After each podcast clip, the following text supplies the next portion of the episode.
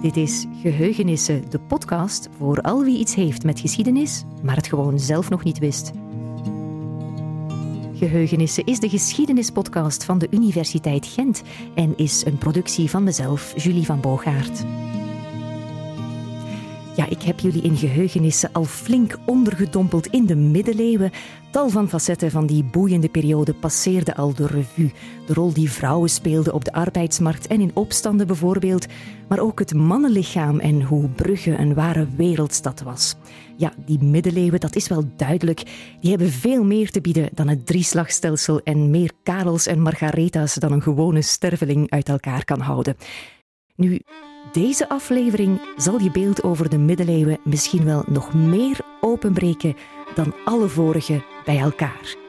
Deze keer gaan we het niet bij de deur zoeken, want terwijl hier de Vlaamse steden wakker lagen van het Bourgondische Rijk dat Vlaanderen dreigde op te slokken, was op zo'n 3000 kilometer hier vandaan de macht in handen van slaven.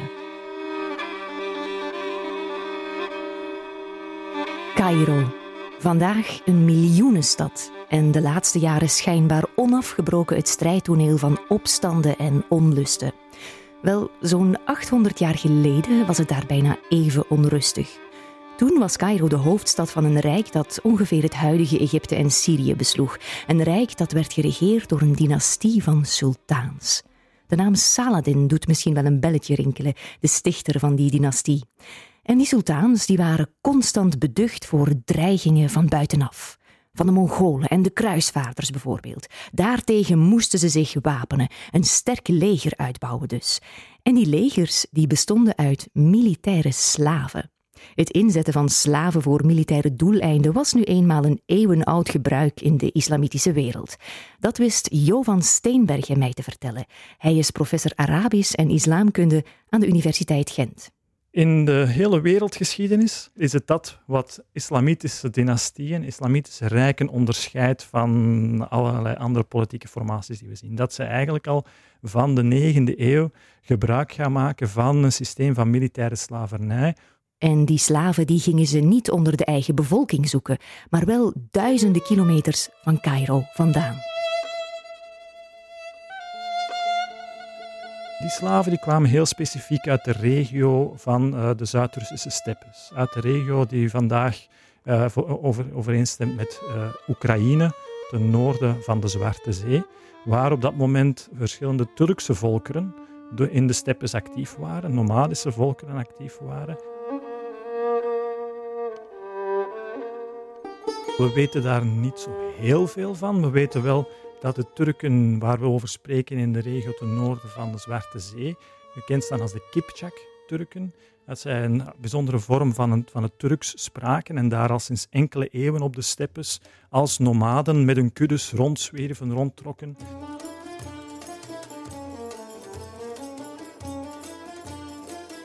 Zij stonden bekend als zeer uh, geduchte uh, strijders te paard en zijn zeer bekend doorheen de islamitische geschiedenis staan deze uh, volkeren bekend om hun ruiterkunsten en de manier waarop zij te paard, vooral met de boog, om kunnen. En een enorm eh, belangrijk onderdeel worden daarom van die islamitische legers, omdat zij uh, ja, een enorme slagkracht kunnen, kunnen ontwikkelen uh, door van op hun paarden allerlei toeren en kunsten uit te halen die anderen hen zeker niet kunnen nadoen.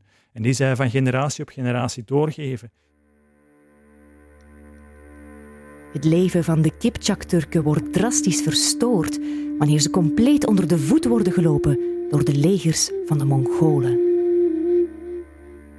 En in die confrontatie tussen Mongolen enerzijds en lokale Turkse volkeren anderzijds, gaan die Mongolen heel wat Turkse uh, leden van die stammen gevangen nemen en uh, ja, hun buit ook willen te gelden maken. En die gevangenen, die krijgsgevangenen, gaan verkopen, vooral dan de jongeren, kinderen en adolescenten, gaan verkopen op de slavenmarkt eh, rondom de Zwarte Zee.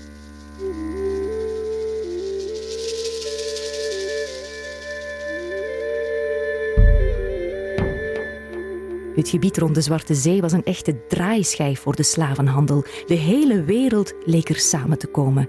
Niet alleen de Arabische gebieden waren dankbare afnemers van menselijke koopwaar, maar bijvoorbeeld ook Turken en Chinezen. En voordat je denkt dat dit een vreemd barbaars verschijnsel was dat zich ver weg van het Westen afspeelde, kooplieden uit Genua en Venetië speelden een sleutelrol als mensenhandelaars. Ze hadden handelskolonies op de Krim en van daaruit verkochten ze die felbegeerde jonge ruiters aan onder meer Arabische kooplieden. En zo kwam een flink aantal van hen na een slopende tocht terecht in Cairo. Daar wachtte hen een nieuw leven als Mamloeken. Mamloek is een Arabisch woord dat eigenlijk betekent uh, iets dat bezeten wordt, dat in het bezit is van iemand anders. Uh, in dit geval verwijst het, of wordt het specifiek gebruikt om te verwijzen naar militaire slaven. Slaven die specifiek ingezet worden in militaire dienst als keurtroepen, als belangrijkste troepen in de entourage van de heersers en de belangrijke figuren van, uh, van deze tijd. Maar voordat ze deel konden uitmaken van die elitetroepen, stonden jongens nog een lang leertraject te wachten en een stevige cultuurshock.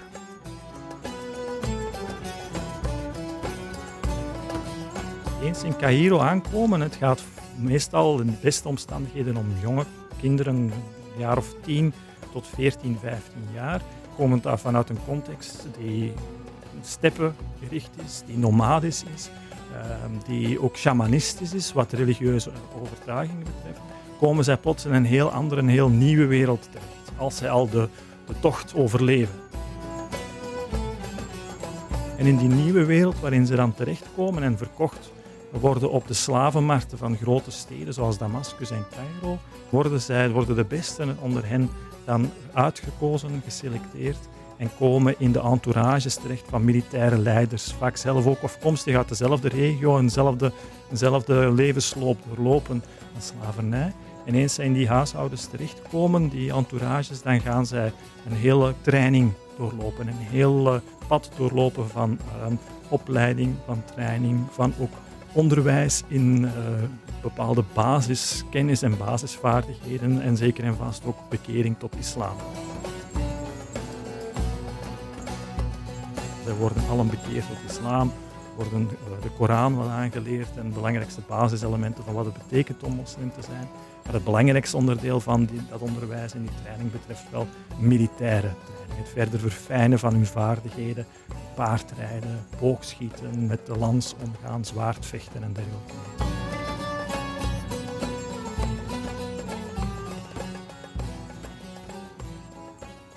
Oké, dus je rukt die jongeren, die kinderen, weg uit hun vertrouwde omgeving en dropt ze op een plek die in niks op hun thuis lijkt.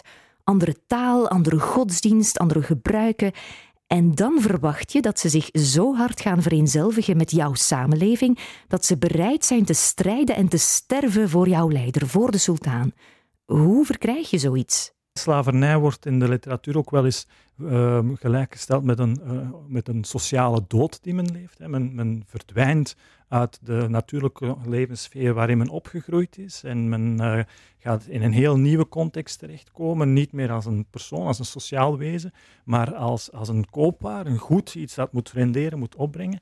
En we zien hoe die sociale dood zeker ook beleefd wordt door, eh, door deze jongeren, deze mamloeken, als ze in de regio van Egypte en Syrië terechtkomen. Maar hoe tegelijkertijd door heel dat proces dat daar dan in gang gezet wordt van opleiding, training, opvoeding, een soort socialisatieproces ook uh, plaatsvindt, waarin men um, opgenomen wordt in die nieuwe omgeving en waarin men via de slavernij, via het slaaf zijn, via de relaties die men opbouwt met andere slaven rondom hen, uh, met een bepaalde meester die een status en een positie in de samenleving heeft, hoe men dan ook zelf een positie en plaats in die samenleving gaat weten te verwerven en identiteit gaat verwerven, die niet enkel verbonden is met het feit dat men slaaf is, maar meer nog verbonden is met uh, de, de, de, meester waar, waarbij men slaaf is, of meerdere meesters waarbij men slaaf is. Want vaak zien we ook hoe dergelijke uh, mamloeken ook verhandeld worden of doorgegeven worden van de een op de andere.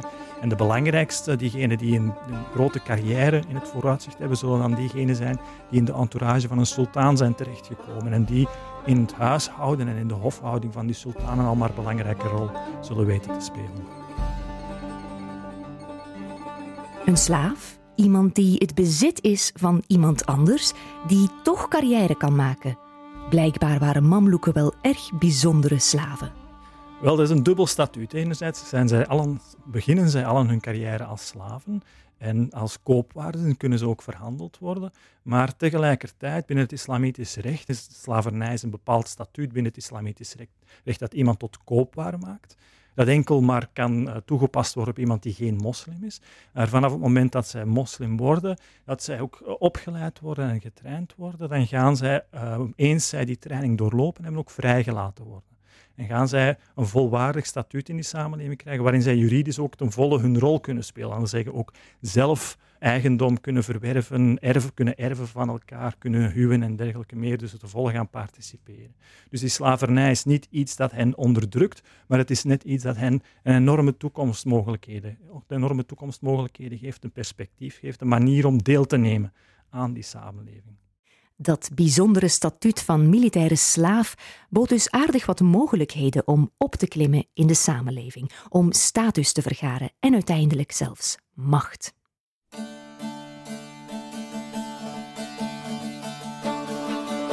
Rondom belangrijke militaire leiders tekenden zich entourages af, heuse hofhoudingen, een beetje naar het model van het hof van de sultan.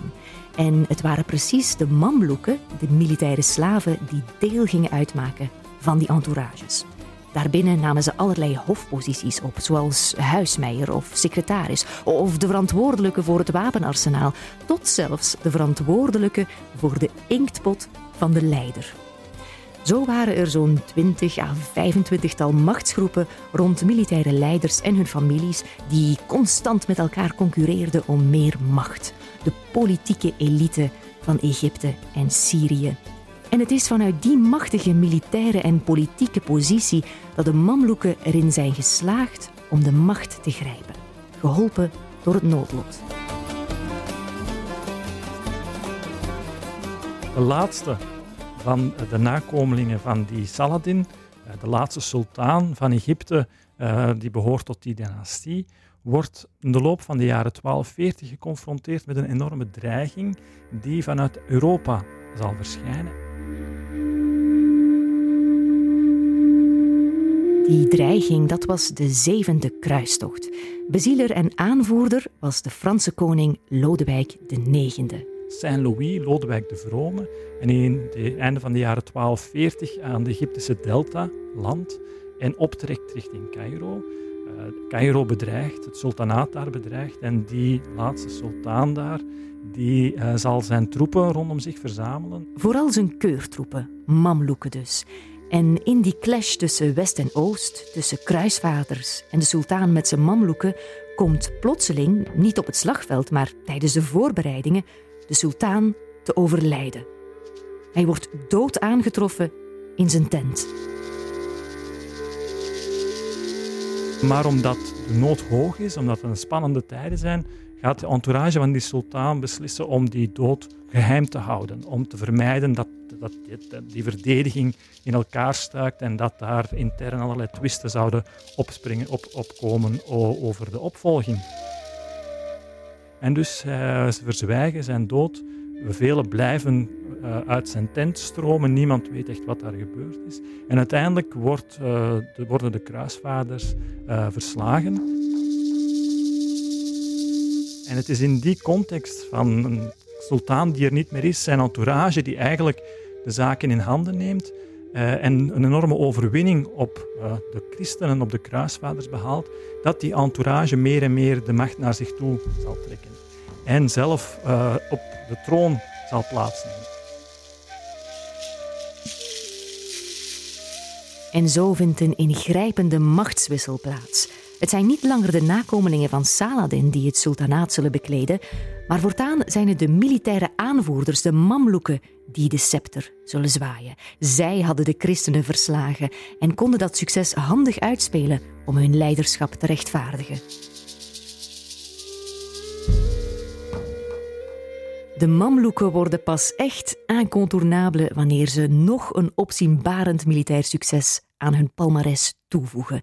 De regio van Egypte en Syrië werd niet alleen bedreigd vanuit het westen door de kruisvaarders, maar ook vanuit het oosten door de legendarische Mongoolse leider Genghis Khan en zijn nakomelingen. Zij bouwen het grootste wereldrijk uit dat ooit in de wereldgeschiedenis heeft bestaan. Strekt zich van Korea tot in Hongarije op het hoogtepunt van zijn macht in de jaren 1240, 1250. En komen zo ook in de regio van Islamitisch West-Azië terecht, van Iran terecht en uiteindelijk ook Irak. En wensen op te stoten naar het Middellandse zeegebied. Op dat moment zijn de Mamluken zich nog volop aan het organiseren als de nieuwe orde na de Saladin-dynastie. Maar exact wie van hen het dan voor het zeggen zou hebben, daar waren ze toch nog niet volledig uit. En het is die dreiging vanuit het oosten, die Mongoolse dreiging, ehm, die hen ertoe toe, dwingt om in plaats van met elkaar in competitie te zijn voor wie nu eigenlijk het sultanaat naar zich toe kan trekken, om de rangen te sluiten achter één van hen, één sultaan van hen, en het hoofd te bieden aan die Mongoolse dreiging. Mongoolse dreiging die ook een niet-islamitische dreiging is. Vanuit het westen hadden we de christenen, vanuit het oosten hebben we de Mongolen, die zich nog lang niet zullen bekeren tot de islam. En die de islam als dusdanig beiden tot in zijn hart, tot in zijn existentie zelf bedreigen en heel dat gebied onder de voet lopen. En die Mamluken, die legers onder leiding van die, die Mamluken, zullen in 1260 een veldslag winnen in de regio van Palestina tegen die Mongolen en zullen uh, als dusdanig bekend gaan staan als de eerste die die Mongoolse dreiging een, een, een, een halt weet toe te roepen. De eerste die erin slagen om de Mongolen een nederlaag toe te brengen. En als dusdanig gaan zij ook zichzelf presenteren als de kampioenen van de islam. Diegenen die islam uh, gered hebben van die dreiging van Oost en West. Ook al hebben zij een enorme achterstand tegenover andere heersers in de regio wat hun oorsprong betreft. Zij hebben geen afstamming, zij stammen niet af van, van heroïsche heersers, zij hebben niets eigenlijk. Ze komen uit die, uit die sociale dood erop gestaan, maar zij hebben islam gered van de dreiging van Mongolen enerzijds en van christen anderzijds. En dat is een centraal element in de legitimatie van hun macht gedurende de hele periode. Na die klinkende overwinningen op de christenen in het westen en de Mongolen in het oosten lijken de Mamluken wel gebeiteld te zitten. Het begin van een nieuw tijdperk, het Mamluken sultanaat. En het einde van het oude tijdperk van de dynastie van Saladin. Het einde van de erfopvolging dus. Maar wanneer een Mamluke sultaan moet worden opgevolgd, dan zien we toch dat er al snel een zoon naar voren wordt geschoven. En zo worden er nieuwe dynastieën geboren, die dan weer door andere Mamluken, andere elitegroepen, omver worden geworpen. Kortom, er ontstaat een heel onstabiele periode waarin het bij elke opvolgingskwestie alle kanten uit kan gaan. Een periode van tal, dat, dat in tal van richtingen zal bewegen en waarin de stabiele factor het sultanaat zal blijven in Cairo, maar waar de elites die dat sultanaat in de handen hebben, niet altijd in slagen om zich van de ene generatie op de andere te gaan reproduceren, om de macht gaan doorgeven, of dat op tal van verschillende manieren gaan doen, in een context die bijzonder competitief is, die bijzonder instabiel is, waar het verdwijnen van een sultan een enorme onzekerheid uh, steeds zal creëren, omdat niemand weet wie zijn opvolger zal worden. Een zoon, mogelijk, een andere mamloek uit zijn omgeving, even mogelijk iemand van de ver daarbuiten, even goed mogelijk. De opvolging in het sultanaat was nooit een, een, een uitgemaakte zaak. Lange tijd heeft men deze periode in de, in de geschiedschrijving met een, met een scheef oog bekeken en gezegd van ja, het is een periode van chaos. De ene sultaan komt na de andere, ze slaan, slaan elkaar allemaal de kop in. Ja, het is totaal zinloos om hier echt naar te gaan kijken. Onrust, instabiliteit en geweld. Niet meteen de gedroomde voedingsbodem voor een bloeiend cultureel leven, zou je kunnen denken zou je verkeerdelijk kunnen denken, want de periode van het Mamluken-sultanaat, de 13e, 14e, 15e eeuw in Egypte en Syrië, heeft meer culturele rijkdom opgeleverd dan om het even welke periode in de islamitische geschiedenis. En wel net dankzij die chaos.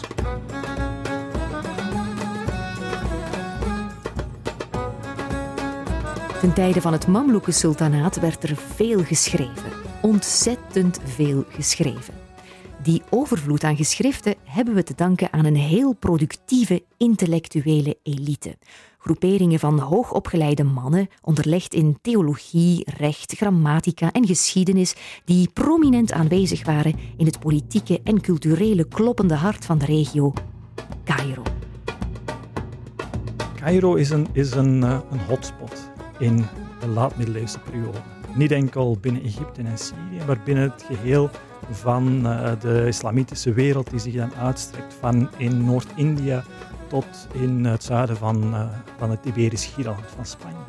En Cairo staat centraal. Is een plaats waar iedereen naartoe komt, waar de grote geleerden van de Soenitische islam uh, zich verenigen, waar zij lesgeven en waar mensen naartoe komen om bij hen in de leer te gaan, te gaan studeren. En het is een plaats waar mensen uit Noord-Afrika en de regio van Spanje, mensen uit Perzië en uit de regio van de Centraal-Aziatische Republieken of India ontmoeten en waar zij een enorme kruisbestuiving van ideeën teweeg brengen. Een van de belangrijkste bezigheden van die geleerden, behalve religieus onderricht geven en rechtspreken, was geschiedenis schrijven. Geschiedenis was een zeer belangrijk onderdeel van wat het betekende om een intellectueel, een lid van de culturele elite te zijn. En zo werden er ellenlange geschiedenissen geschreven, echte levenswerken die van naaldje tot draadje vertelden wat er allemaal gebeurd was, van het begin van de islam tot en met de eigen tijd, die woelige periode van het Mamluke-sultanaat grote kroniek, enorme kroniek. De grootste eh, bestaat vandaag denk ik in 50 volumes. Het vertelt de geschiedenis van de eigen tijd, maar linkt die aan het begin van de islam, vanaf het jaar 0 van de islamitische jaartelling tot het jaar 700. Dat is Adhabi Tarikh al-Islam meer dan 3 miljoen woorden lang, uh, geloof ik. het, is, het is een enorm een van de grootste werken die ooit, ooit, geschreven zijn. Maar het is wel een soort orde van grootte waarin die werken geschreven worden. Chronieken, vele volumes, enorm gedetailleerd en vaak georganiseerd jaar per jaar. In het begin van het jaar gebeurde dat en toen gebeurde dat. Het lijkt echt zo'n soort dagboek bijna, neerschrijven van wat men rondom zich ziet gebeuren van jaar op jaar gedroomd materiaal voor een historicus zoals Jovan Steenbergen. Want zo weten we meteen tot in het kleinste detail wat er precies gebeurd is. Toch? Hmm, dan verliezen we toch wel een belangrijk gegeven uit het oog. Dat er een tussenpersoon is, de auteur die beslist heeft om materiaal in zijn tekst te steken en sommig materiaal er niet in te steken dat, het, dat we te maken hebben met een genre dat bepaalde verwachtingen oplegt aan die tekst en wat daar wel en niet in kan gezegd worden. Zo'n tekst over de bewogen tijden van het Mamluke sultanaat, die mag je dus niet zien als een venster op de werkelijkheid, maar als een gefilterde kijk op de dingen door de ogen van een persoon van vlees en bloed. Iemand die niet alleen waarnemer is, maar ook deelnemer ze hebben er ook een mening over, ze hebben er ook een visie over. En die visie vinden we ook terug in wat ze schrijven. Die geleerden, de auteurs van die teksten, die moeten we dus niet zozeer zien als objectieve verslaggevers, maar als commentatoren op de ontwikkelingen van hun tijd. En dat commentaar geven, dat doen ze op een heel specifieke manier, conform de geplogenheden van hun tijd en samenleving, door alles wat er gebeurt in te passen in een veel groter verhaal. De hele geschiedschrijving richt zich op het, op het beschrijven en het begrijpen van het heden met het oog op een verzekerde toekomst. Een toekomst die religieus bepaald is. Een toekomst die in het licht van het laatste oordeel staat. Van het laatste oordeel waarin God zal moeten oordelen over zijn schepping, uh, of zij inderdaad zijn pad gevolgd hebben of niet. En wie dat gevolgd heeft, komt in het paradijs terecht. Wie dat niet gevolgd heeft, komt niet in het paradijs terecht. Dat is de enige zekerheid die men heeft. En het is vanuit dat licht, vanuit dat licht van de redding van de hele gemeenschap, dat al die historiografie eigenlijk geschreven. Dat is het, meta, het metaverhaal dat je overal terugvindt. Een prachtig voorbeeld van hoe het verleden en het heden een plaats krijgen in een langgerekt, door God bepaald traject richting het laatste oordeel is het werk van Ibn Kathir. Een uh, belangrijke eh, Korangeleerde ook, een belangrijke rechtsgeleerde, maar ook een, een, historicus. Die zaken die liepen allemaal door elkaar. En zijn groot uh, geschiedeniswerk is een geschiedenis van de, de wereld. Van de schepping tot aan het einde der tijden, waarin Damascus en zijn omgeving van collega's en geleerden en, en mensen die hier dezelfde ideeën op nahielden, zijn plaats in krijgt. Het is een geschiedenis die daarom ook de titel draagt El Bidaya wa Nihaya, van het begin tot het einde. 14 volumes, enorm veel uh, materiaal dat we daar samen krijgen. En dat, dat heden in een, in een ruimer perspectief plaatst. Ibn Kathir en zijn collega's waren eigenlijk een beetje de opiniemakers van hun tijd. Maar je politieke mening verkondigen deed je in het 14e-eeuwse Cairo niet door te gaan zeggen: Meneer de sultan, eh, excellentie, ik vind dat u niet goed bezig bent. Maar wel met een boodschap als: God zou het niet eens zijn met wat u doet, en als u zo verder doet, helpt u niet alleen uzelf, maar ons allemaal naar de verdoemenis. Net zoals die Ibn Kathir van begin tot einde zijn, zijn, eigen tijd en zijn eigen context een plaats geeft in die ruime wereldgeschiedenis, gaat elk van die historici uh, zijn, zijn literatuur, zijn schrijven, zijn, zijn geschiedschrijven ook gebruiken om de wereldleiders rondom hen een soort spiegel voor te houden. Dan gaan zij heel vaak vanuit een moraliserend perspectief zeggen van een, een goed heerser die, die doet dit wel of een goed heerser die doet dit niet. En als je dat voorbeeld volgt, dan staat vast dat je eigenlijk een glorieuze toekomst tegemoet gaat. Maar als je dat niet volgt, ja, dan zie je wat er gebeurt met diegenen die je zijn voorgegaan in het verleden. Dus dat didactische element bijna het raadgeven, die raadgevende functie aan heersers en leiders, is een belangrijk onderdeel ook van wat die geschiedschrijving voorstaat. En dat is een element dat tot de dag van vandaag veel te weinig herkend wordt in de manier waarop die literatuur uh, bekeken wordt in het onderzoek of daarbuiten ook om de geschiedenis van die periode te schrijven. Dat ze zelf ook een betrokkenheid hebben, een idee hebben hoe het zou moeten zijn, terwijl het misschien niet zo was. De lijvige geschiedeniswerken die bewaard zijn gebleven uit die turbulente tijd van de Mamloeken, die werden geschreven door mensen met een mening en, ik zei het al, mensen van vlees en bloed. En laat het nu volkomen eigen zijn aan mensen van vlees en bloed dat ze hun mening alles durven te herzien. Dat vertelt ons ook veel over de wijze waarop die teksten geschreven zijn. Dat is niet een boek en waarvan een schrijver zegt en nu ga ik eens achter mijn tafel zitten en ik ga eens alles opschrijven en het is klaar en nu publiceer ik het. Het zijn vaak levenswerken. Zeker zo van die boeken die, die vele volumes beslaan, die worden in vele jaren geschreven. Zo weten we van één bepaalde auteur precies hoe hij te werk is gegaan. Hij schreef een uitgebreide geschiedenis van Egypte, maar niet in één keer. Elk jaar opnieuw nam hij de tijd om de balans op te maken. Dan trok hij een maand tijd uit om te schrijven en zo was zijn kroniek weer up-to-date tot het jaar voor zijn dood, gaat hij telkens opnieuw neerzitten om dat aan te vullen. En dan zie je hoe die auteur van mening verandert, hoe zijn stem in die tekst verandert, zijn oordeel over sultans verandert en, en over andere figuren die tien jaar tot twintig jaar lang in die tekst het toonbeeld van islamitische heerschappij zijn, van goede heerschappij zijn, uh, van zo het zou moeten zijn, maar die dan in een context van troonsbestijging of van het verdwijnen van een sultan en opvolging plots in het verkeerde kamp terechtkomen en dan uit het verhaal moeten geschreven worden, als het ware, want het zijn anderen die het overnemen en zij moeten dan de slechteriken worden, want de anderen hebben het gehaald. En zo, zo zie je hoe zij plots van toon gaan veranderen en als dusdanig ook, ook een soort spiegel geven aan de historicus om te, zien hoe mensen in hun omgeving, hoe hun lezers en die auteurs zelf ook uh, betrokken zijn in die gebeurtenissen en telkens opnieuw uh, aangemaand worden om te proberen daar zin aan te geven en te begrijpen wat er gebeurd is. En niet enkel te begrijpen, maar ook te zien van ja, dit moet ergens een plaats krijgen in dat grote narratief uh, dat, dat op naar redding moet leiden voor de hele gemeenschap. En daar ook heel inventief en creatief in blijken te zijn. Een groep vreemdelingen heidenen die van op de verre steppen rond de Zwarte Zee in Cairo terechtkomen. De Mamloeken dus, die zich bekeren tot de islam en zo deel van Gods volk worden, die hun leven wagen voor het sultanaat en uiteindelijk dat sultanaat zelf gaan claimen. Ook die grillige wending in de geschiedenis van Egypte en Syrië maakte volledig deel uit van Gods plan.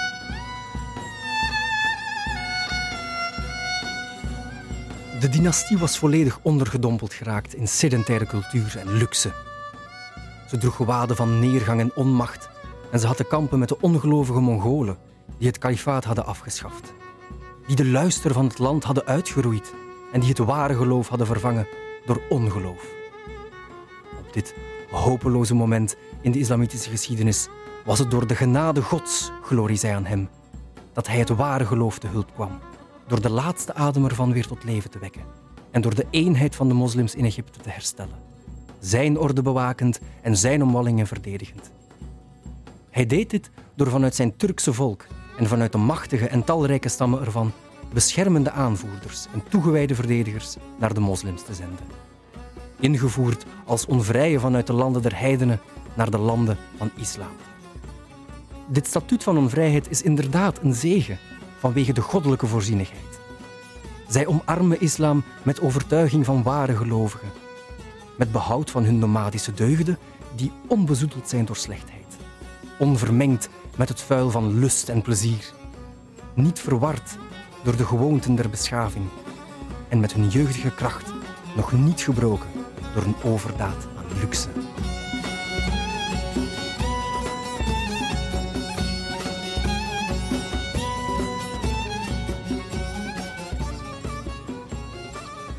Een van de schrijvers die binnen de bloeiende culturele elite van Cairo actief waren en die Jo van Steenbergen door en door kent, was El Makrizi.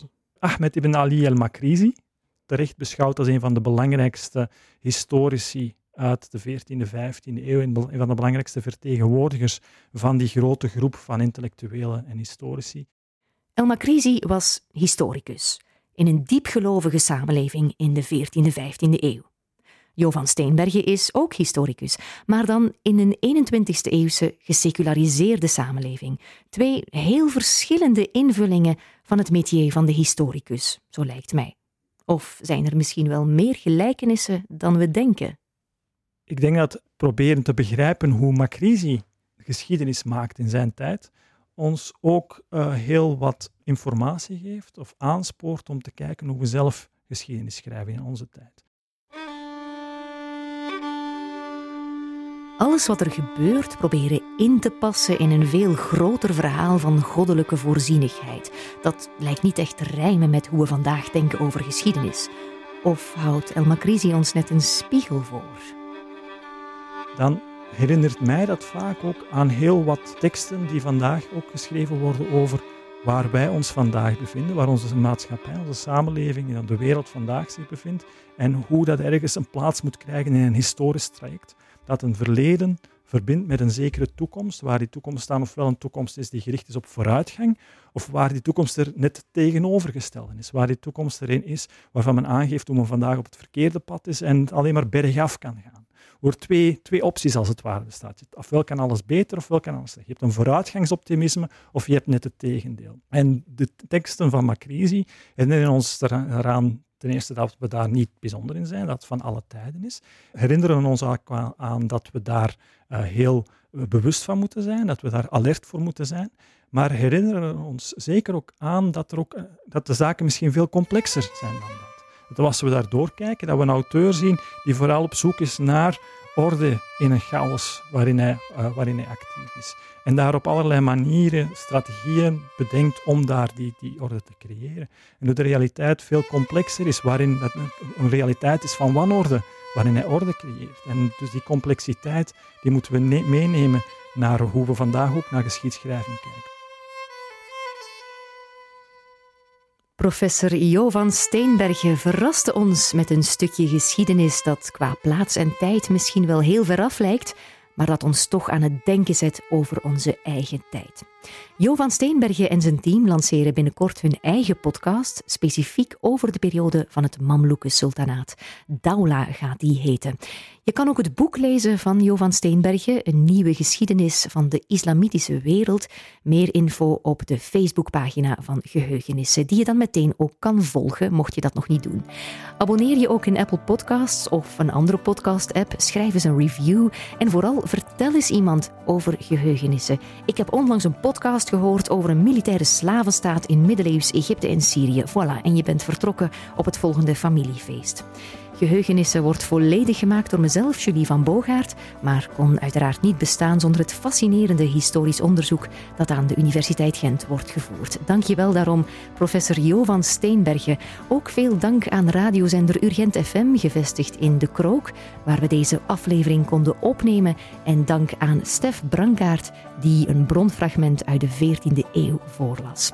En natuurlijk ook heel veel dank aan jou omdat je luisterde naar geheugenissen. Volgende keer blijven we dichter bij huis. Dan gaan we grasduinen in de rijke geschiedenis van de universiteit zelf, de Universiteit Gent, samen met professor geschiedenis en decaan van de faculteit Letteren en Wijsbegeerte, Gita de Nekkere. Tot dan.